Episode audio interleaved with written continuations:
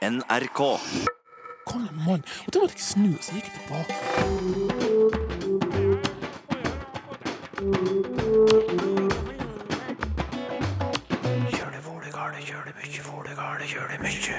Vi nærmer oss kåring av årets ord i Språkteigen, men fortsatt jakter vi på flere forslag til hvilket ord som best oppsummerer året vi legger bak oss.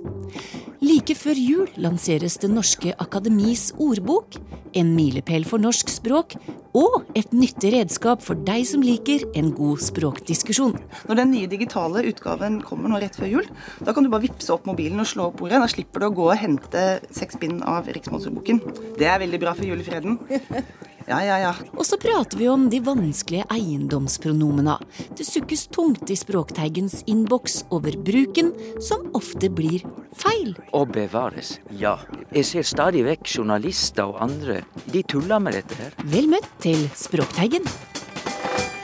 Om kort tid kårer Språkteigen Årets ord 2017. Vi er på jakt etter det ordet som har vært med på å prege året. Et ord som i ettertid kan si noe om samfunnet vårt i 2017. Som Sylfest Lomheim pleier å si. Språket speiler samfunnet.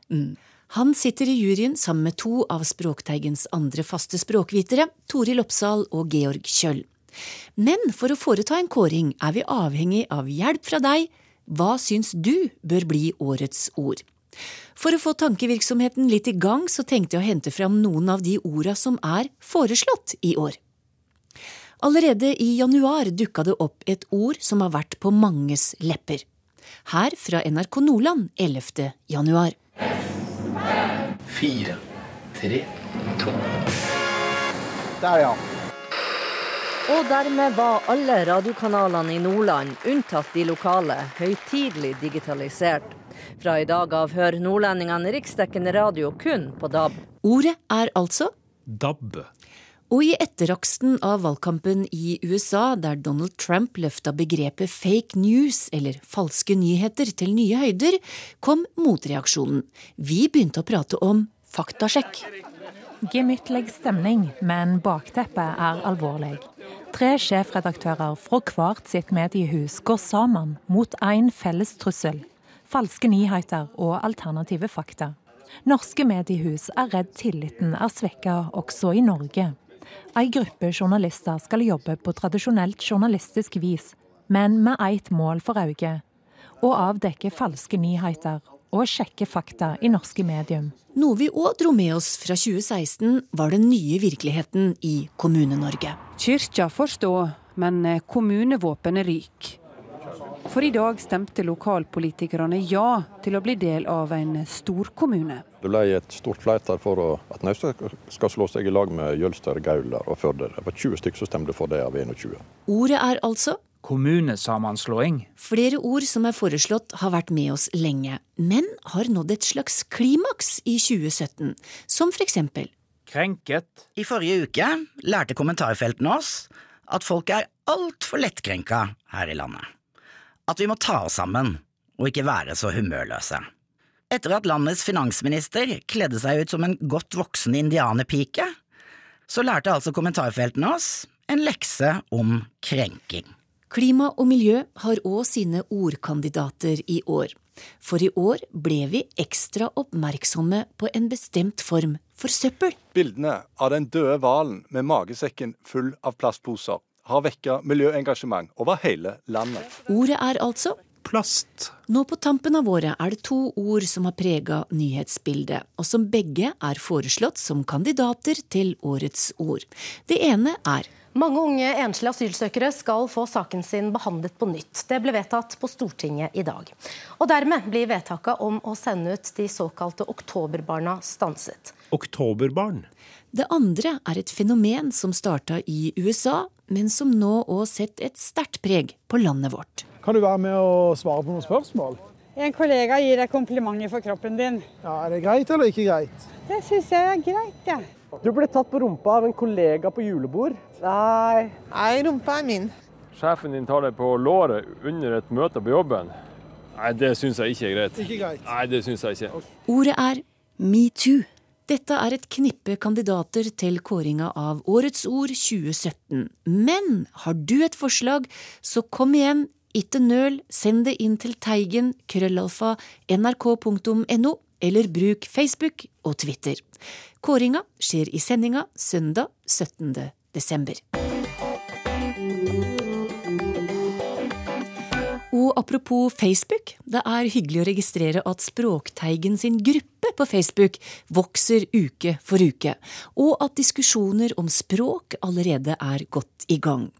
Flere spørsmål har dukka opp som jeg tar med meg videre til Språkteigens faste språkvitere. Og vil du bli med i gruppa til Språkteigen, så finner du den ved å gå inn på NRK P2 sin Facebook-side og trykke deg inn på grupper i menyen til venstre. Der kan du legge inn spørsmål, du kan komme med kommentarer, eller kanskje du ser noe artig språklig som du kan ta bilde av og dele med andre i gruppa. Du er hjertelig velkommen. Det skal fortsatt handle om ord. I disse førjulstider har du en stor og innholdsrik julepresang i vente. En presang som ifølge de som står bak, kan være med å redde julefreden. Jeg prater om Det norske akademis ordbok, tidenes største og ei moderne ordbok for bokmål. Den publiseres 21. desember, og da finner du den aldeles gratis på nett. I august så hadde jeg besøk i studio fra Kunnskapsforlaget, og Petter Henriksen, som er prosjektleder for den nye ordboka, han mente at dette blir en historisk begivenhet for norsk språk. Alle språk med respekt for seg selv skal jo ha en nasjonal ordbok. Engelsk har det med Oxford, og svensk med Svenske Akademiens ordbok, og dansk også nynorsk. Så nå får også bokmålet. Og det var historisk da det skjedde i eh, andre land, og når det endelig skjer i Norge for bokmål, så må vi absolutt si at det er historisk. Men hva skiller denne fra ordbøker vi allerede har for bokmål? Ja, én ting kunne være størrelse. Dette her blir enormt. De ordbøkene vi har nå, er ettbindsordbøker, og dette her blir iallfall ti ganger større enn det. Eh, hvis vi snakker oppslagsord, så er det over 200 000.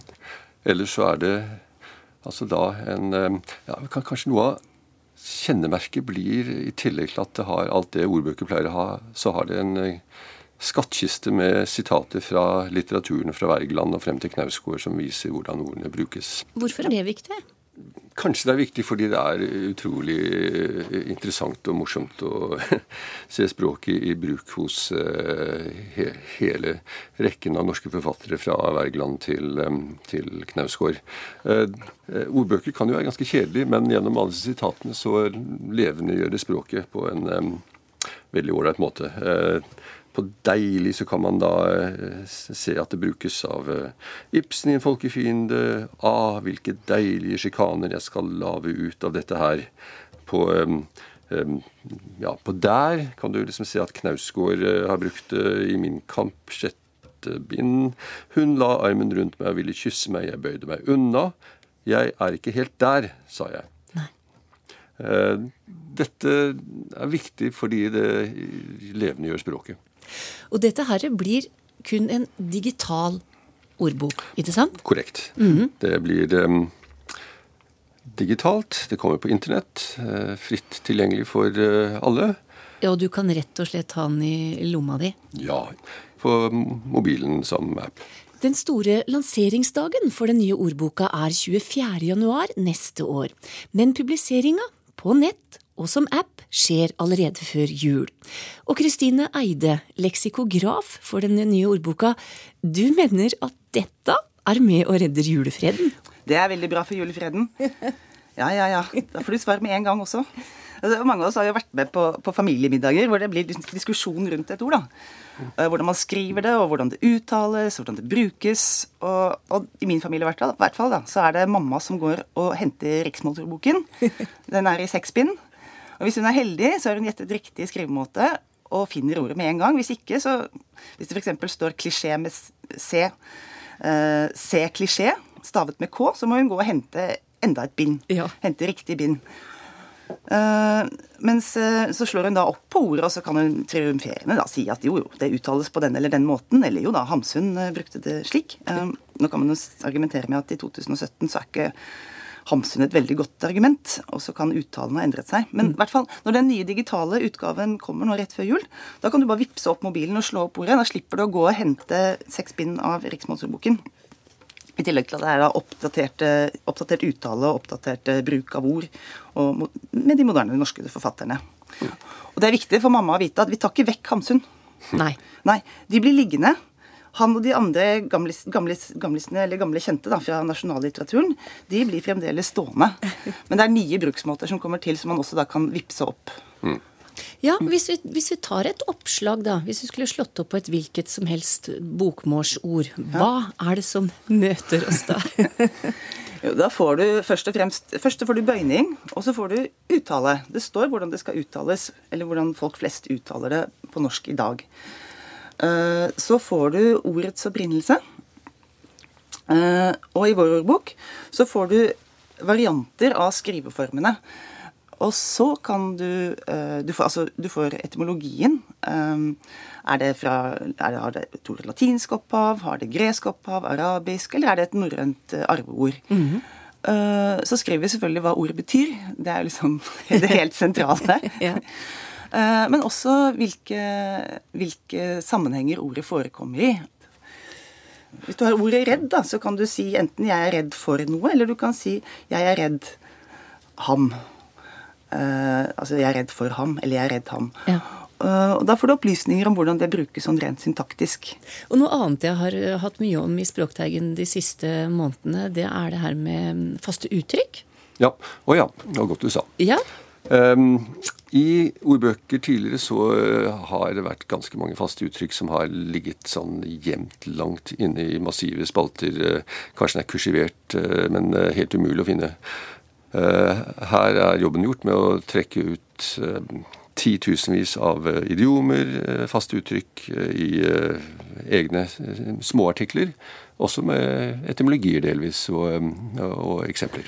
Uh, ja, for eksempel, Jeg leste for noen somre siden Brekkestøbrevet av Nils Kjær, og da sto det en overskrift 'Gakk til myren og bli vis'. Ja det, da kan, kunne man jo tro at det hadde noe med en sånn sumpaktig naturfenomen å gjøre. Men hvis man slår opp i vår ordbok, så får du for det første vite at det heter ikke, det heter ikke myren, det er myren det er snakk om.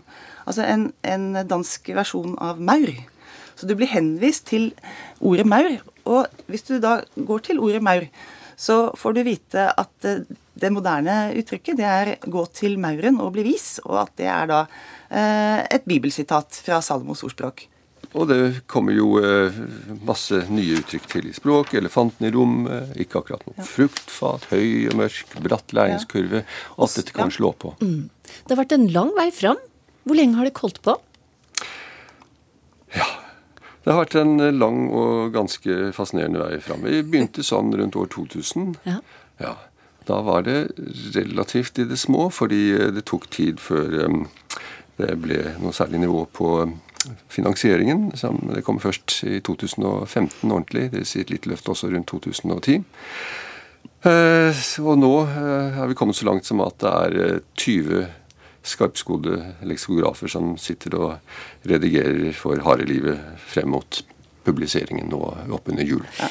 Da, og da er det slik at denne lanseres med brask og bram, Petter. Og mm. så kommer dagen etter og årene mm. framover. Ja. For nå har det ikke vært mange som har jobba for å lansere en ordbok. Men ordbøker må jo vedlikeholdes, de må røktes, de må kanskje videreutvikles. Hva skjer etter det? Ja, jo, eh, ikke bare det du sier, men eh, det skjer faktisk ganske mye mer enn det også etterpå. For dette her er en eh, totrinnsoppgave. I denne omgangen så er det altså da en total revisjon og modernisering av, av norske riksmannsordbok. Men så i neste omgang, basert på dette innholdet, så skal vi fange inn hele det moderne bokmålet slik det faktisk brukes skriftlig i dag i et digert samarbeid med Nasjonalbiblioteket, som sitter på hundretusenvis av digitaliserte verk og aviser. Og disse bare venter på å bli dissekert og brutt ned i ordbokform. Så det skal vi gjøre sammen med Nasjonalbiblioteket og Universitetet i Bergen i det som heter Bro-prosjektet, som da kommer eh, etter 2017. Og hva skal da komme ut av det, da? Da kommer det en, eh, altså Dette blir et nettsted som da kobler ordboken opp mot disse, den enorme tekstmengden i Nasjonalbiblioteket. Og øh, eh, ja, jeg, håper å si, jeg, jeg tror dette blir eh, egentlig eh, unikt også i eu- europeisk sammenheng, fordi eh, eh, det er ingen land som har Norges mulighet, eh, eh, som har det som Nasjonalbiblioteket har gjort. De har digitalisert nær sagt alt som er publisert, publisert og muligheten til å koble opp en ordbok mot det er unikt for Norge. Du, du lurer på kan et ord kanskje bety sånn og sånn, og så skulle du sitte og lese gjennom alle, alle papirbøkene. Det hadde jo ikke gått. Det er ikke mulig. Men, eh, men med dette her så kan vi da eh, bare slå opp på ordet og få treff i denne store databasen. Vet, alle ordbokforfattere har jo hittil i historien egentlig bare måttet gjette på hvordan språket er, eh, altså, og bruke sin egen språkstans og, og dem rundt seg. Og nå eh, har vi muligheten til rent empirisk å fange opp språket slik det faktisk eksisterer. Prosjektleder Petter Henriksen og leksikograf Kristine Eide fortalte om Det Norske Akademis ordbok, som kommer like før jul.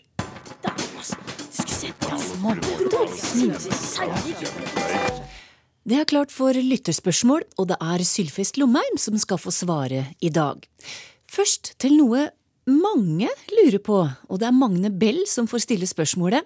Hvorfor brukes kvantesprang om svært store sprang, når sjølve ordet viser til de minste distanser en kan tenke seg, spør han. Ja, og det er sant fordi at vi opplever jo at kvantesprang, da dreier det seg om noe veldig grunnleggende og viktig. Ja. Da tror vi at òg det er noe veldig stort, noe enorme greier. Og det er der vi gjør feilen. Fordi at kvantesprang går på det som er essensielt forskjellig. At noe i vesen og væremåte, altså måten det er på, er veldig forskjellig. Men det kan jo være bitte, bitte, bitte lite. Så det kan være en bitte liten forskjell som gjør at væremåten blir veldig forskjellig. Det er et skikkelig kvantesprang. Men det betyr ikke at det er fysisk svært. Det har ingenting med det å gjøre. Men er det sånn at vi bruker det mye feil nå? Ja, det er mange som bruker det feil. For de bruker det om, om fysisk svære sprang, og at det går i retning av kvantitet, altså at det er svært. Men egentlig det som ligger i kvantesprang, er ikke kvantitet, men kvalitet. Kvalitet, altså egenskap. At det er ei kvalitetsendring. Men så når vi sier at f.eks. for eksempel eh, et barns utvikling, da, kan gjøre, plutselig gjøre sånne kvantesprang. Fra i går så klarte de ikke å krabbe, men det gjør de i dag. Ja. Det er et kvantesprang, egentlig. Ja, det er det. For det har jo ikke skjedd så veldig mye med, med spedbarnet, men det har skjedd et kvantesprang når det gjelder spedbarnets væremåte. Fordi at det å gå ifra å krabbe til å gå, Ja. det er jo virkelig et kvalitetssprang, altså et kantesprang. Hva kommer ordet fenalår av, spør Jostein Moen. Det er jo aktuelt om høsten, for da er det mange gode fenalår å få fatt i. Nei, ordet fena, vi skriver jo bare F-E-N-A, og så legger vi på lår, fenalår. Men den gammelnorske forma var fenadr, altså F-E-N-A, og så D med, med strek over, og så R, fenadr. Og det ordet på gammelnorsk, det hadde meninga buskap. Så egentlig er fena et ord for buskap, og et fenalår er et lår ifra buskapen. Det er ikke mer eh, spesifikt enn det, altså fra husdyra som vi har i fjøsen. Men nå har fenalår kanskje blitt mer spesifikt for sau? Ja, men det betyr altså at i utgangspunktet hadde fena et videre bruksområde enn bare sau. Og det ser vi jo, eh, det er jo mange som For før så betydde fe òg på gammelnorsk, det betydde buskap, dyr, til og med eigedom. Og vi hugsar jo alle dette her ifra Håvamål. Døyr fe, døyr frendar. Buskapen døyr, og vennene, de døyr. Slik er det. Frendar er jo friend på engelsk, de har tatt vare på det. Vi har nesten mista det i norsk, men det er jo et gammelnorsk ord. Så til noe som jeg får mange, mange henvendelser om, nemlig rett bruk av eiendomspronomen. Flere har skrevet til Språkteigen om setninger de har lest eller hørt i aviser, på nettet, i radio og TV. Setninger der bruken av sin, hans, hennes, sitt osv. blir ja, rett og slett feil. Kirsten Stabel er ei av dem, og lurer på om vi ved leilighet kan redegjøre litt for dette. Og Sylfest, dette er du enig i at det slurves mye med? Og bevares. Og jeg blir oppongla, det hører både du og lytterne nå. Jeg ser stadig vekk journalister og andre. De, de tuller med dette her. Og det er enda mer nå enn før. Og da tror jeg det er to grunner. Det ene er dårlig norskopplæring. Og det andre er at vi leser veldig mye engelsk. Og på engelsk så har ikke de denne forskjellen. Så he loved his wife. Og slikt så, så vil folk Ja, ja, han elsker kona hans. Ja, hans eh, sin. Ja, ok, ja. Skjønner du? Ja. Men på norsk så går det an å gi en regel. Ja, det gjør heldigvis det. Dette er en av de aller klareste reglene i norsk grammatikk. Ja, og det blir sikkert Marit og Gunnar Larsen glad for, for du nevnte jo engelsk her. Dem har prøvd å forklare dette for engelske og franske kolleger og venner. Og da kan du hjelpe dem. Ja, Ja. men eh, det er veldig forståelig at Marit og Gunnar Larsen har problemer med franske og engelske venner og kollegaer fordi verken engelsk eller fransk, eller tysk for den del, skil mellom dette systemet med sin og hans. For på engelsk så heter He loved his wife, Mhm. ikke sant? Og på fransk det samme Il aimait sa femme. Det betyr at på engelsk og fransk så kan vi ikke vite hva slags kone det gjelder.